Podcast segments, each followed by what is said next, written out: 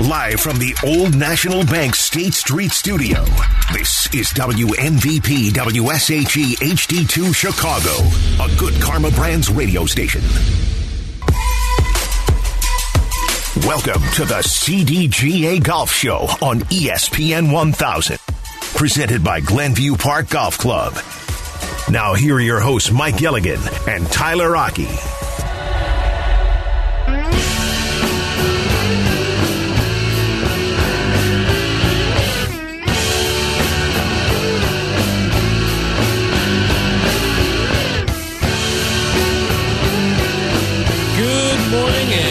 Welcome on in to the CDGA Golf Show on ESPN 1000. You can also check us out on 100.3 HD2.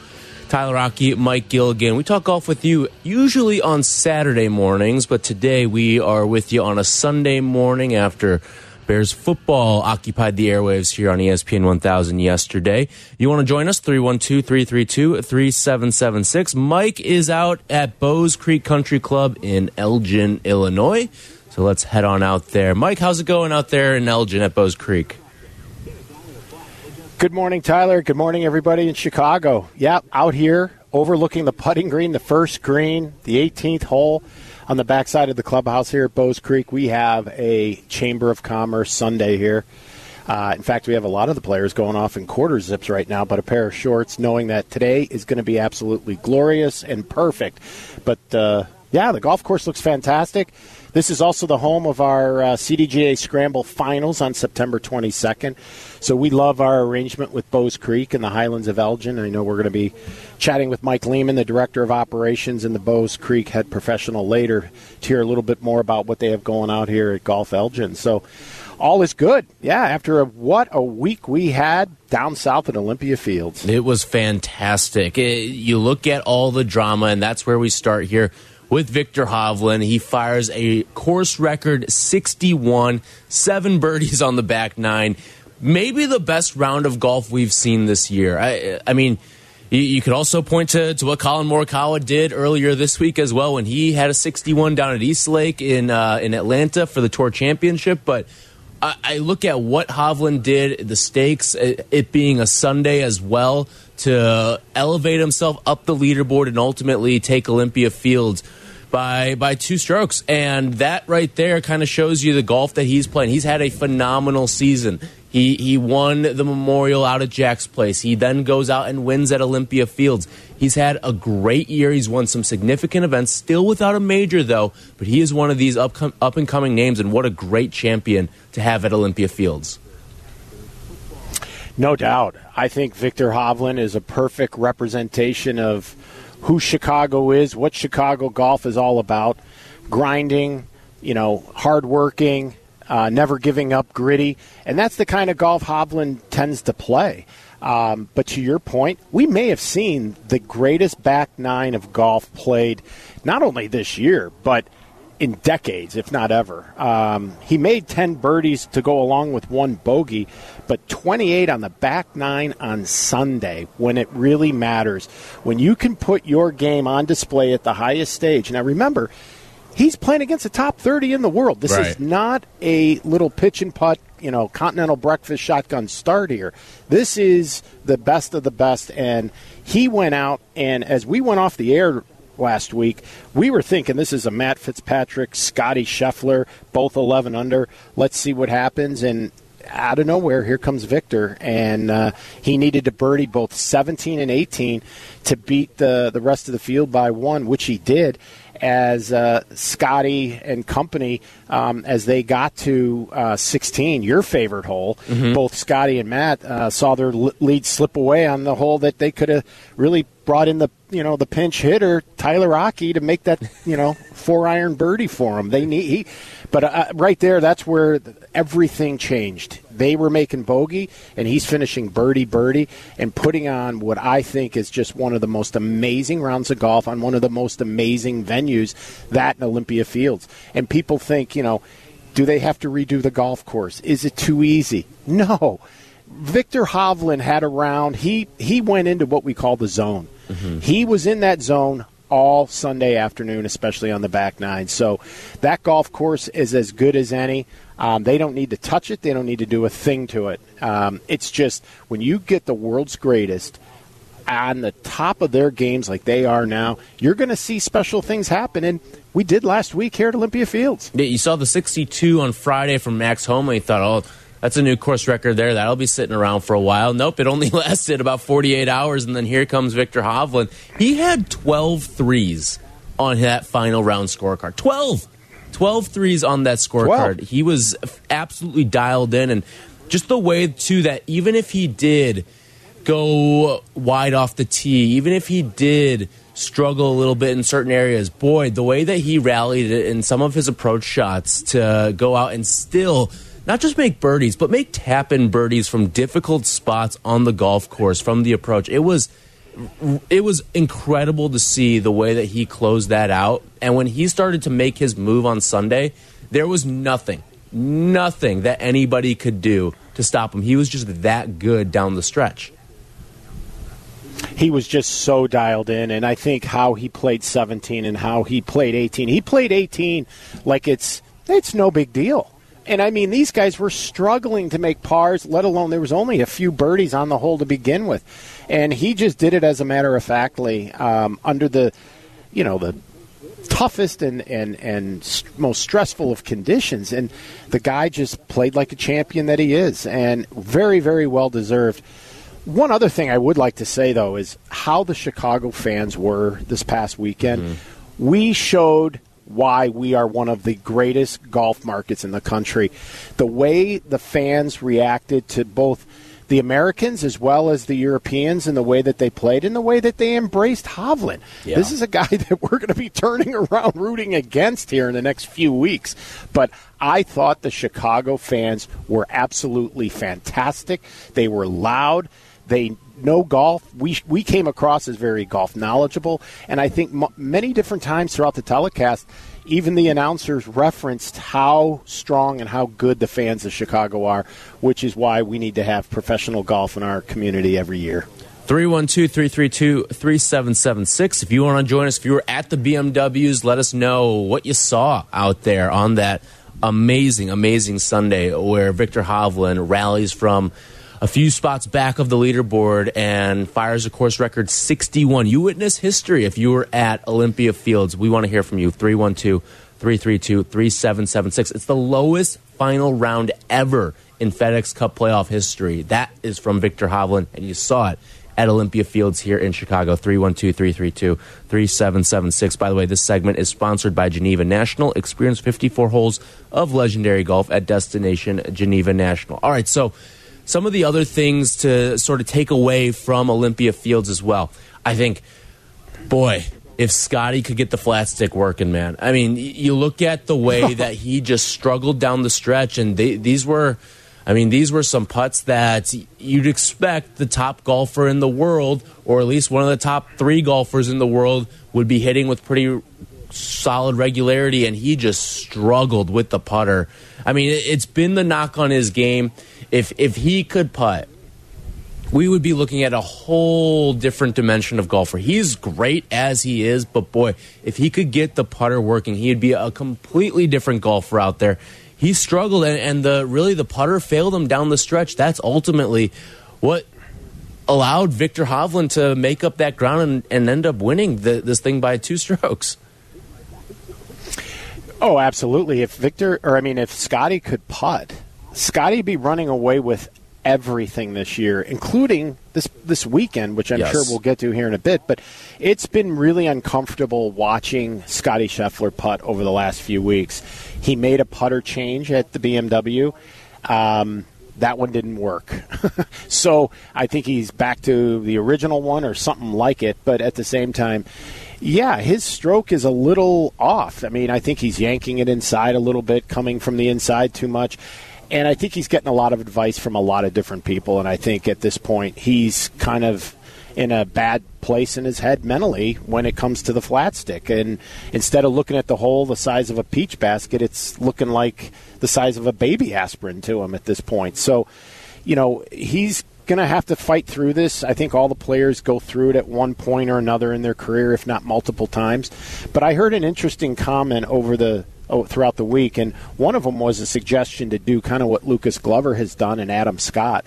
A lot of the taller guys that have now gone to some form of a long putter Yeah. or a different version, that's what they're kind of thinking. Maybe that's what Scottie should do um, because it seems that everything else that he's trying currently isn't seem to be working. Now, working for him versus working for us, two different stories. But at the caliber of play that he is accustomed to being at and putting like, he is nowhere near the Scottie Scheffler from a year or two ago. I mean, it's just it's it's like I said, I won't even watch him, so I protect my own ability to putt now. so it's just that it's just that gruesome to watch at times. You, you don't want the uh, putter by osmosis from Scottie Scheffler coming your way there because, and you bring up a good point. All right, so he stands at six foot three. He does look uncomfortable over the putter, and, and that to me is. I don't know if it's a mental. I mean, at this point, it's got to be a mental thing for him. When you're as good of a golfer as Scottie Scheffler is, I don't think it's a physical thing. It has to be between the ears, and I don't I don't think it's at a Lucas Glover yips level right now, but I, I think it's something that boy, if he doesn't figure it out quickly, it could be something that, that goes downhill pretty pretty I mean, it would be a real tough demise for Scottie Scheffler because he is holding back a world of potential right now because of what the putter is doing to him at this moment. He is, and he's just got to continue to go through the process and trying to figure it out. Um, it's like I said, it's ugly to watch, but we're rooting for him because he's too good a player. And here's the thing. He's able to play and score and be at a level only because of his ball striking capabilities. He's one of the best, if not the best, ball striker on tour, and the players will tell you as such. Now, when he's off a little on his ball striking, one of the pros said that he is still in the top 25 when he's off on his ball striking. So that gives you an idea just how dialed in he can be from tee to green, and that's how he can make up shots on the field. But he is one of the lowest players professionally in the field on strokes gained on the putting green this entire year, let alone the last few weeks. It's been abysmal. It's just been abysmal.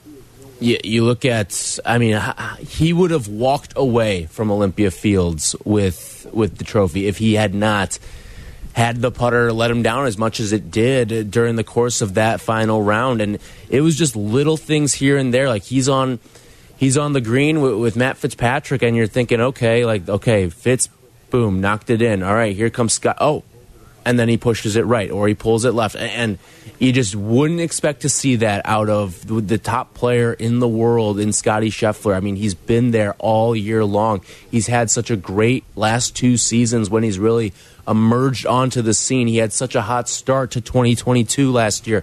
It's been something that you just would not expect out of someone of Scottie Scheffler's capability here.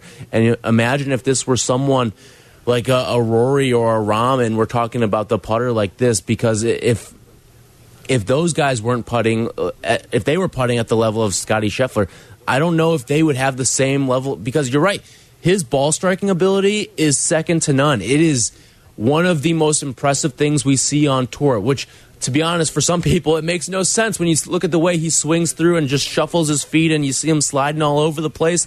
You sometimes wonder if he's even wearing golf spikes at times, right? Because of the way that he's flying around out there on the the fairways and on the tee boxes, but he has he has certainly found a way to make it work tee to green but the green is something that if he wants to have if he wants to be vaulted into that upper echelon of some of the greatest golfers of all time he's gonna have to figure out the putter He is, and it's funny. You you reference his footwork. He's like the Fred Astaire, which is going way beyond your time there, uh, Tyler. But he he is fleet of foot, and he's a heck of an athlete to be able to do what he's doing. I would not suggest his footwork for most of us by any stretch of the imagination, but. Last year, he made everything in 2022. He was making everything, it seemed like. So he was went from being one of the better putters on the planet to now being one of the worst. But as you mentioned, it it comes back to his ball striking skills, and if he can dial in that putter and get that back, he will be by far the best player on tour in the world, for that matter, on the planet, because he almost already is, and his putting is just holding him back from really running away from the 2023, you know, playoff season from the rest of the field. Um, you know, he started out with a, you know, with the lead, and he can't hold it, and it's all because of the putter. Right now, uh, real quick before we hit the break, one guy who I'm happy he was in the mix there on Sunday. It was Matt Fitzpatrick because, okay, Northwestern kid playing in his collegiate backyard here. I look at what Fitzpatrick did, and he's he's kind of struggled ever since he won the U.S. Open last year. He did win the RBC Heritage this year, but he's been up and down. Really haven't seen a consistent game from Matt Fitzpatrick for the most of 2023, but he wins the RBC, and then he ends up in the mix in that final group, tied for second when it's all said and done at the BMWs. I was happy to see Fitzpatrick. I think that's a good player to have in the mix and to have a guy, major winner from a year ago, be in that final stretch, be having a chance to, to go for it there on 18, to potentially force a playoff with Hovland. Uh, I was really thrilled to see what Fitzpatrick did uh, uh, across the weekend, really, at the BMWs. Likewise, I think Matthew Fitzpatrick brought a little positive news to the Northwestern, you know, alumni in our city just to be able to root for somebody doing something good for a change. And and watching him develop as a young player has been a joy to watch. And as he wins the open now he's had to deal with life as a US Open um, you know champion. And all of the new constraints and um, you know demands of his time and all that good stuff. So learning how to continue to be a professional with your first major under your belt is always going to be a challenge because this is new uncharted territories for him professionally. Obviously, winning the U.S. Amateur was a major in, in that regard, but for him, you know, trying to adjust to life as a professional golfer, being you know a U.S. Open winner, I think has taken some time, but I think you're starting to see him come around. Um, and again, fortunately or unfortunately, he's doing it at a time just before again the Ryder Cup. He's going to be another guy that we're going to be like, oh yeah, loved him in Chicago, can't stand him now because he's killing us. and uh, but you're right. I, I think Matthew Fitzpatrick is good for the game. I think it's cool how his brother has also come onto the tour. Right. Um, so yeah, a great guy to have right there in the mix, and I foresee a lot of great things for Matthew Fitzpatrick uh, in, in, the future. And I'll go back to a comment you may, made about Viktor having not won a major championship. I'll say this yet because mm-hmm. I think this year is grooming him to win a major next year. And it would not surprise me, and I'll go out right now and say I'll pick him for the Masters. Oh, all right. I like that pick there. All right, when we come back, I do have a Viktor Hovland yeah. question for you because he has found. He, I mean, he's got a six-stroke lead right now with the Tour Championship down at East Lake. Can Viktor Hovland be a face of the golf world? Can he be the face of the golf world. We'll talk about that when we come back. This segment sponsored by Geneva National. Experience 54 holes of legendary golf at Destination Geneva National. This is the CDGA Golf Show, presented by Glenview Park Golf Club, ESPN 1000, 100.3 HD2, and the ESPN Chicago app. Golf is on your mind and on the air right now. This is the CDGA Golf Show on ESPN 1000, 100.3 HD2, and the ESPN Chicago app. Presented by Glenview Park Golf Club. Made birdie here yesterday. It looks like a good line. Oh my, does it ever? Whoa, right next to the hole. Up to the moment. Viktor Hovland at his absolute best. Jim Nantz on CBS there as Viktor Hovland carded a 61. That was the way he wrapped up 18 with a birdie there. He finishes 17 and 18. Birdie, birdie, seven of his nine on the back nine were of the birdie variety there. This segment sponsored by Tour Edge. Tyler Aki, Mike Gilligan with you, usually on Saturdays on the CDGA Golf Show. Today, we are with you on a Sunday from 8 to 10 a.m. right here on ESPN 1000. We'll be back on Saturday with you next week. If you want to join the show, 312 332 3776. All right, so Viktor Hovland has a, a great chance today. He's currently got a six stroke lead at the Tour Championship. It would be kind of tough to see him, especially the way that he's playing right now, fumble this one away. But six stroke lead, he is the heavy, heavy favorite to wrap this thing up here and win the FedEx Cup playoffs. But when you look at sort of the faces of golf right now, I think Viktor Hovland, even though he doesn't have a major, although Mike is calling a shot, he is saying Masters 2024, you will see Viktor Hovland with a green jacket on. When you look at the way that Viktor has played down the stretch here, you're hoping, all right, everything is going to carry over into 2024 and you could see him break through and finally get that first major. He's in that hunger phase still. We talked a little bit about it with guys like Fitzpatrick, and we've said it in the past with guys like Morikawa and and Jordan Spieth. Like sometimes you get to a, a point and you you start winning major, and sometimes it's plural majors, and then you see the game dip off a little bit, and they're not quite there after that because of all the other obligations that come with being a a major winner and all the sponsorship opportunities, all these photo ops and events that you have to go to. Viktor Hovland, though, he's got a chance to to pick up that first major next season. But can he become the face of golf? And really, who is the face of golf right now? When you look at, there's a couple of options here. You've got Scottie, you've got Rahm, you've got Rory. Obviously, Tiger's still in the mix, but I think to to the diehard golf fan, I don't think Tiger Woods is really the face of golf anymore. With everything that, I mean, we just haven't seen him on a golf course all that much, and it's tough to be the face of a sport when you're not playing at the degree that Tiger is right now. So, to you, Mike, right now, who is the face of golf when you look across the PGA Tour, or if you want to pick someone from Live, go ahead. Uh, I, I wouldn't personally pick someone from Live right now, just because of it's tough to be the face when your face time is down. But who, who in your eyes right now is the face of golf? Well, it's funny. I I agree with you. I think Victor is um, becoming the ultimate face for us. Um, I think heading into this year, you're looking at your guys like Justin Thomas, Jordan Spieth, Rory, um, you know, Rahm, the guys you had mentioned. But I think right before our eyes, we're watching Viktor Hovland mature as a player in a way that sort of parallels his amateur career. In his amateur career, you know, he started winning out you know, over in Norway, the Norwegian amateur, and eventually wins, you know, develops at Oklahoma State and comes on board to win the U.S. Amateur. So then what he does, he turns professional in 2019 and then comes on board and starts winning uh, the PGA Tour events, but nowhere in America. So he wins over in Puerto Rico. Then he wins Mayakoba in 2020 and then turns right back around and wins it again in 2021. But he's still winless in the United States until the Memorial. So what does he do? He wins the Memorial, almost one of the, I would say, B level majors, if you will. It's darn mm-hmm. near close to being considered a major. So then he comes into the playoffs.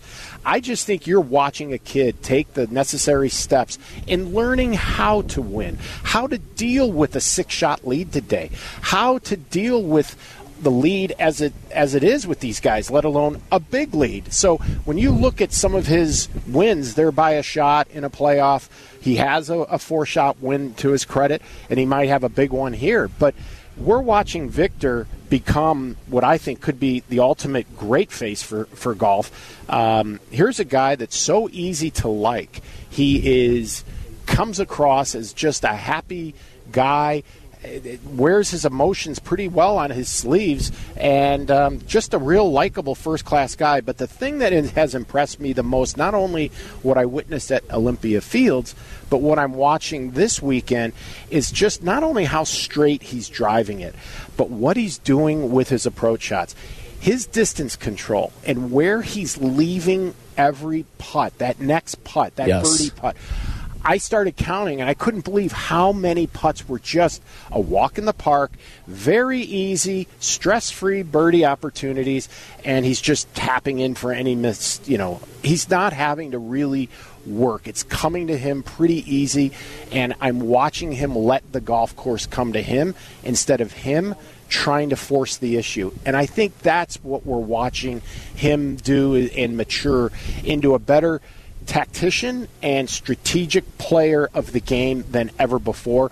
And I think it's just this type of uh, performance that we're watching that leads me to want to say he's going to win at Augusta because he's learning how where to put the ball in the green, where to miss, and to put himself into a strength of what he does best when he is chipping. Not to say he's one of the best chippers of the ball, but he has become significantly better since last year, and I think that's a credit as to why he's won twice already and probably going to win for a third time today. I think the other thing too with Hovland, you bring up how all right, yeah, he's he's learning where to miss or sometimes where not to miss, um, and he's given himself these easy opportunities.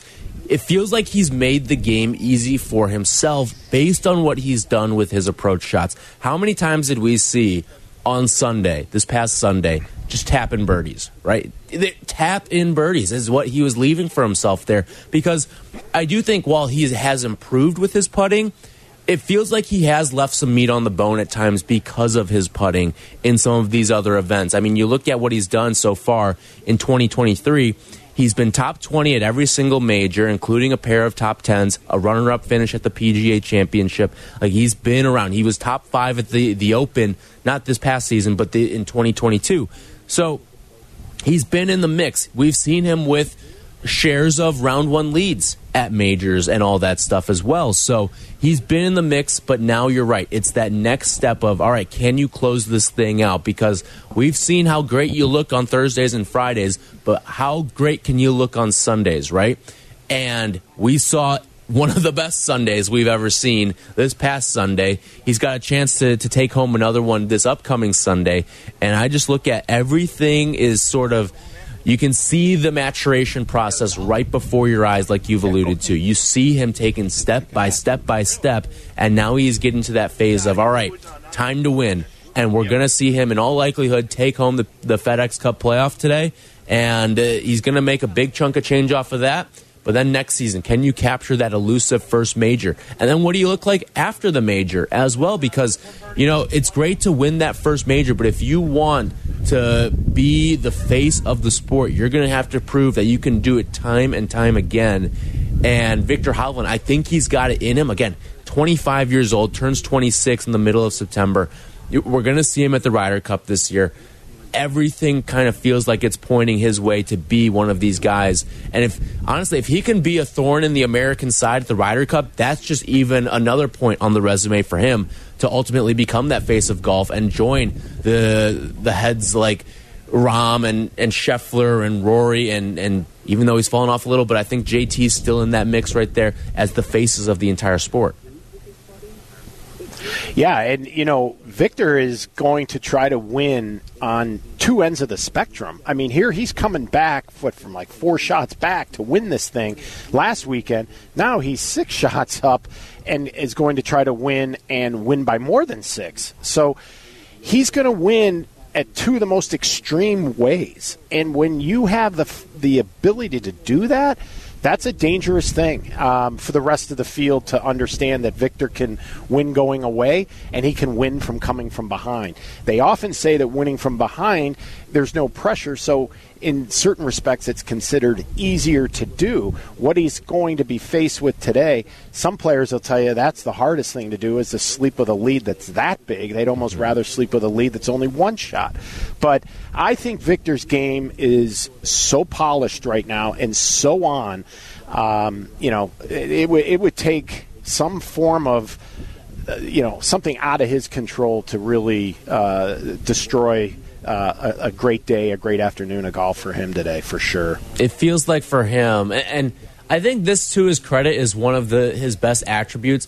He doesn't play conservative golf. He really doesn't. He is always in go mode. It feels like sometimes you see guys with leads and they're just all right. Let's save par here, save par there, and it's just you try to you try to get some unblemished numbers on the scorecard um, but he feels like he's one of those guys who still, even though he's got a lead, he's still a guy that goes for it. Speaking of the FedEx playoff, let us take a look at what's going down at East Lake, everything going on. And do you like the FedEx Cup playoff format as well? 312 332 3776. We'll take your calls when we come back. This segment brought to you by Tour Edge.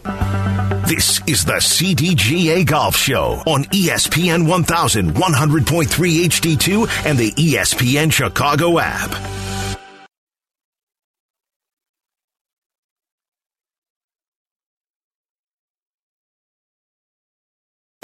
How's your golf game? Yeah, mine too, but more on that later. It's time for more golf talk on the CDGA Golf Show, your guide to golf around the world and in your neighborhood. The CDGA Golf Show on ESPN 1000. Now, here are your hosts, Mike Gilligan and Tyler Aki.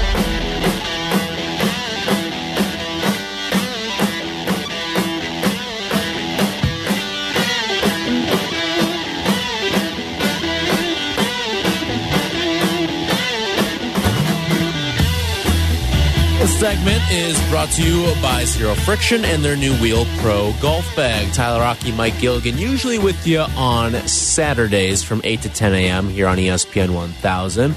Today, with you on Sunday, we will be back on Saturdays every weekend for the rest of the year after the Bears concluded their preseason last uh, yesterday afternoon uh, against the Buffalo Bills. You want to join us? 312 332 3776. We've been talking a lot about Viktor Hovland and what he's done in the FedEx Cup playoffs, but Greg's in Conway Farms and he's bringing up something that I wanted to bring up with you a little bit later, but let's get to it now, actually. Greg, what's going on? Well, thanks for taking my call. I'll preface this by knowing that by saying that I know Sylvie is not a golfer, but earlier this week they were pre- they were he was proposing with one of his guests that heckling PGA on the PGA Tour is a good thing, and I just wish somebody would clue him in as to how dangerous that would actually be, especially with somebody like Bryson DeChambeau or somebody who really hits the ball hard. Thanks. Yeah, uh, appreciate the the phone call there, Greg. And this kind of came to the forefront this week after I mean there was a lot of discussion out at Olympia Fields that and particularly from Jon Rahm and Max Homa who were a little upset with the way that fans were yelling in people's backswings because it was all gambling related. And so Jon Rahm came out, and this is what he had to say after. He says, We hear about gambling every single round. That happens way more often than you guys may hear. They're close enough to where if they say to their buddy, I bet you 10 bucks he's going to miss it, you hear it. And then Max Homa said, I love that people can gamble on golf. But that is one thing I'm worried about. It's on us to stay focused or whatever, but it's just annoying when it happens. And all of this kind of stems from hearing some some yelling in the backswing um, out at Olympia Fields from this past week. And to me, I think that you know you're always taught, oh, all right, quiet in the backswing, all that stuff, right? If it became commonplace where there was more noise at during people's backswings and just in general in golf. And golf didn't become the quiet sport, right? Like what's LIV's branding now? It's golf but louder. That's that's what they want to be known as. But do you have a problem with uh, everything that you're hearing from Jon Rahm and Max Homa on the way that some fans are behaving at some of these golf tournaments? You know, it's a concern, and I think to the callers um, you know interest or suggestion. It it does borderline on a little dangerous, only because you are literally going into somebody's office while they are working, and in the midst of typing or in the midst of you know putting thoughts down on paper, interrupting. You know, interrupting, and you didn't know the interruption was going to happen. It wasn't planned. So what happens is these guys because they're so close to the spectators, and the spectators with you know wagering being as more commonplace as it is. These are the things that people are saying to one another. Now, how much of this is intended for them to hear is, you know, could be debated. But the fact is, they are hearing it. Um, now, does that make them feel any different over that particular putt or, you know, shot that they're about to execute? Most of them will probably tell you, no. But if I'm up in the midst of my swing or in the midst of pulling the putter head back and now something is said, it is no longer white noise. It's something that took my mind away from the task at hand. It didn't scare me. I mean, they always talk about it like in the cartoons or, mm-hmm. you know, in some of the, you know, sitcoms. Oh, it, scared him and he, you know, hit the shot wayward it's not because it scared them. It, it took their mind off of what they're doing, and at the highest level that they play, there it's just razor thin the difference between being on and just a little bit off and it just takes just that kind of interruption or disruption to to throw them off their shot or their game. So when he mentions a guy like Bryson who's got, you know, uh, 200 mile an hour plus ball speed and you get him going in the wrong direction and a, and a spectator could be wearing a golf shot that in a spot that they're not real you know, it's not going to feel well where, wherever it hits you when it comes off of his club. I think is what the caller is alluding to. But on the other hand, um, you know, uh, it's it, when it's in jest and when it's being bannered about you know from five six rows deep and it's just major conversation between fans. But now the players have elephant ears and they're sitting on the tee box listening to that and complaining about that. They have no complaint. But if the guy's telling him just before he's about to hit the putt i bet you're going to miss it or i bet you're going to make it that that that is that's poor etiquette by the spectator. And I think what happened uh, at 17 with Max Homa this past weekend, he had to have a fan removed uh, for rooting for him to miss, and that's not what we should be doing. And in fact, at the Ryder Cup, we won't be rooting for people openly to make and hit bad shots. Now, as a result of a shot, if it goes in our favor, there'll be some cheering for sure, but it's not going to get. Um, you know, uh, how should I say, contentious as you might with a home and away basketball game type of thing. And, you know, I think that's what we have to uh, keep in mind that this is still a, a gentleman's sport. Um, and one that is played in a gentleman way, and there is a certain amount of etiquette, both as a spectator and a player, that we have to keep in mind, and I and I think it would be in our best interest to do so. But I think that it's something that we're going to be faced with as much as DraftKings and PointsBets and all the rest of them keep making these. Uh, you know players available to be bet on that's that's going to be the byproduct of this thing. But to use it as a means to get after somebody with a direct comment right to them when they're m- matter of feet and inches away from you yeah i'm not so sure that's a real good look. Just like you know, on in the NBA, if somebody's getting on a player from, you know, the floor, you know, generally that doesn't end well either. Usually the spectators being sent home, the player and the fan are starting to get into it. It's just, it's not a good look. Yeah, and listen, I think gambling is good for golf. I, I think it's something that especially when you get some of these lower tier events like a, a 3M or a Rocket Mortgage or something like that. Like, you get eyeballs on some of these all of a sudden that maybe you weren't going to get eyeballs on beforehand. But I, I do think at the same time, when I think a spectator probably can influence golf much more than they can influence a, a basketball or a football or a hockey game or a baseball game.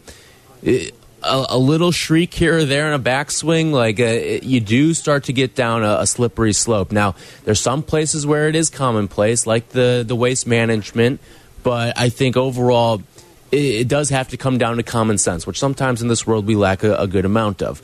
But at the same time, I, I, do think that when you everything everything that you're thinking about from from a gambling standpoint, I think golf is one of the few sports where you can impact it as a spectator if you are lacking that golf etiquette. But if you want to join us here, 312 332 3776, how do you feel about the infiltration of gambling with golf?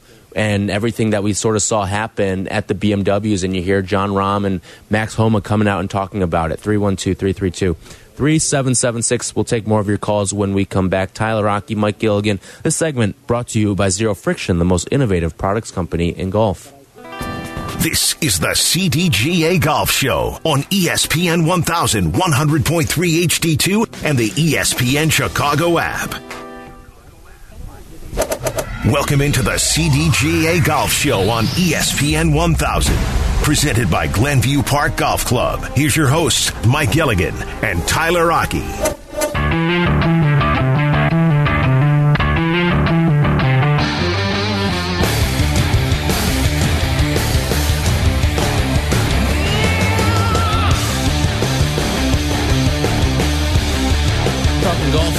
Here on ESPN 1000 after the BMW championships. There were a, this was really the only sort of blemish that was coming out of the BMWs at Olympia Fields over this past weekend, and it were the comments from Jon Rahm and Max Homa on the gambling distractions from fans at the BMW Championship. Both of them a little bit frustrated with some of the things they heard from the fans out there, and Max Homan even having to get a fan removed at the BMW Championship. And it all sort of stems from gambling here. You want to join us? 312 332 3776. This segment is brought to you by Tullymore Golf Resort Experience, a Michigan masterpiece. Tim is in Aurora. What's up, Tim?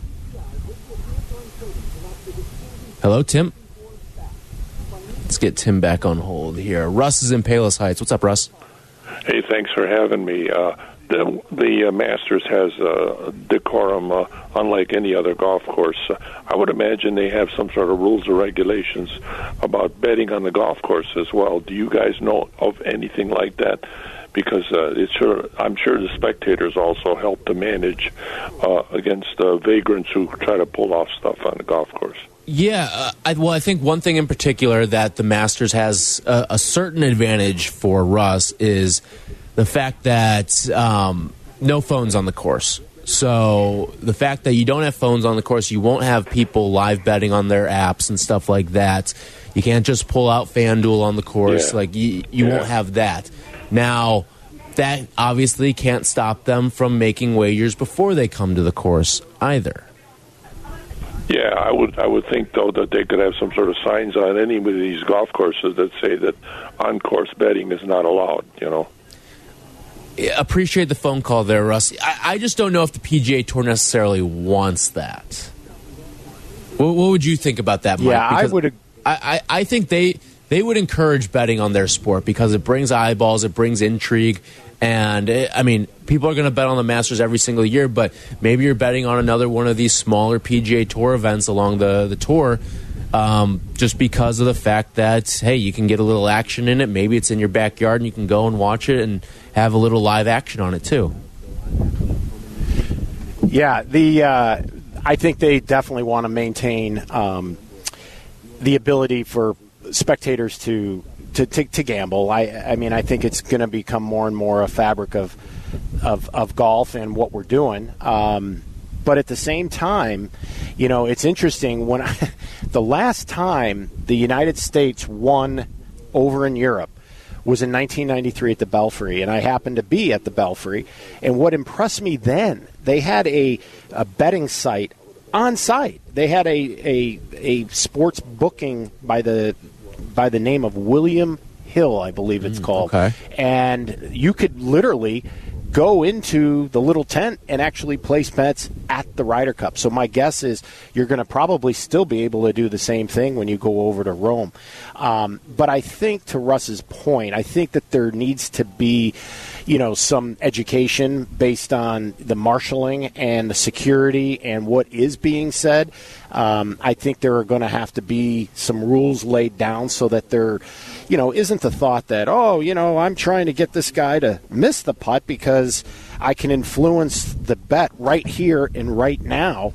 Um, but I think that betting will still be a part of the fabric, but I think they're going to have to address how fans use that knowledge and or information in what they say and when they say it because again I'll go back to the 2012 Ryder Cup at Medinah when Bubba Watson stood on the first tee and he wanted everybody to get loud but what happened was he got everybody to be loud consistently so it it became to be like white noise.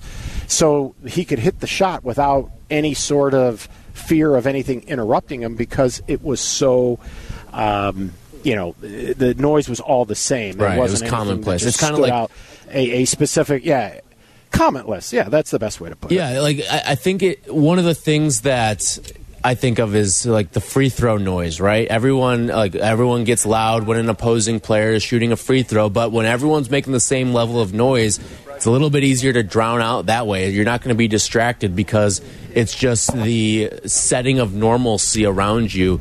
If everyone's doing the same thing, it's going to be kind of tough to to really have it mess with you mentally. Mentally. Yeah, and, uh, and I think that uh, again the the the PGA Tour is just going to have to come up with some sort of a program, and and I'm sure based on what happened at the BMW, they're going to have to revisit this as they start next season. And I think the the amount of tolerance, or I think you'll start to see at a point where all a player has to do is point to somebody in the crowd, and that's all that's going to have to be done. Mm-hmm. And then the marshal will get involved; they'll call security, and then that's what's going to happen. Um, because yeah, I mean it's it's one of those things I can almost see guys, you know, wishing and begging for them to miss the putt because then instantly they win a bet, right? And right. I think that's the thing we have to guard against. Um, and it depends on how you know the prop bets are being made um, and that kind of thing to see what kind of bets you know i think the type of bets that they make so that they aren't instantly won or lost right then and there at that moment versus oh he still has a few more holes to play before i figure out whether or not he's going to you know win the bet or you know if there's a specific prop bet for example how many balls over under at you know 17 let's just Yeah. say and you get it to that number and now all of a sudden you're rooting for that guy to chunk it in the water because you have the over and then you would instantly win those are kinds of the bets i get concerned about for the pga tour in the future Here's what my my stance on some of that stuff would be. I have no problem. Guy misses a putt. You start fist pumping, maybe a little cheer, uh, whatever. I wouldn't personally do it, but I would have no problem with that. It's the in the backswing stuff when the guys are in their live motion.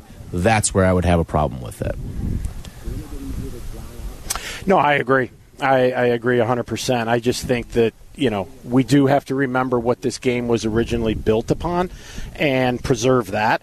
And I think, though, that, you know, spectators will show us not only where spectators want to walk when we rope and stake courses, but they're also going to show us how they want to cheer and what they want to say, given you know five six beers deep and with their buddies and you know what are they what you know what what are the things that they're going to come up with that might be creative might be funny but also might be annoying and also might be influencing um, the competition at hand. And that would be the worst thing that could ever happen is that we somehow influence the pure competition the pure outcome in an artificial outside agency of sort and that's exactly what the PGA Tour, the USGA, the PGA of America are all going to have to be concerned with as we move forward, as gambling's becoming more of the fabric of our society. Yep. All right, when we come back, Mike Lehman, the director of operations and Bowes Creek Head Pro, will join us here on the CDGA Golf Show. That's coming up next here on ESPN 1000. This segment brought to you by Tullymore Golf Resort. Experience up north Michigan golf without the drive. This is the CDGA Golf Show on ESPN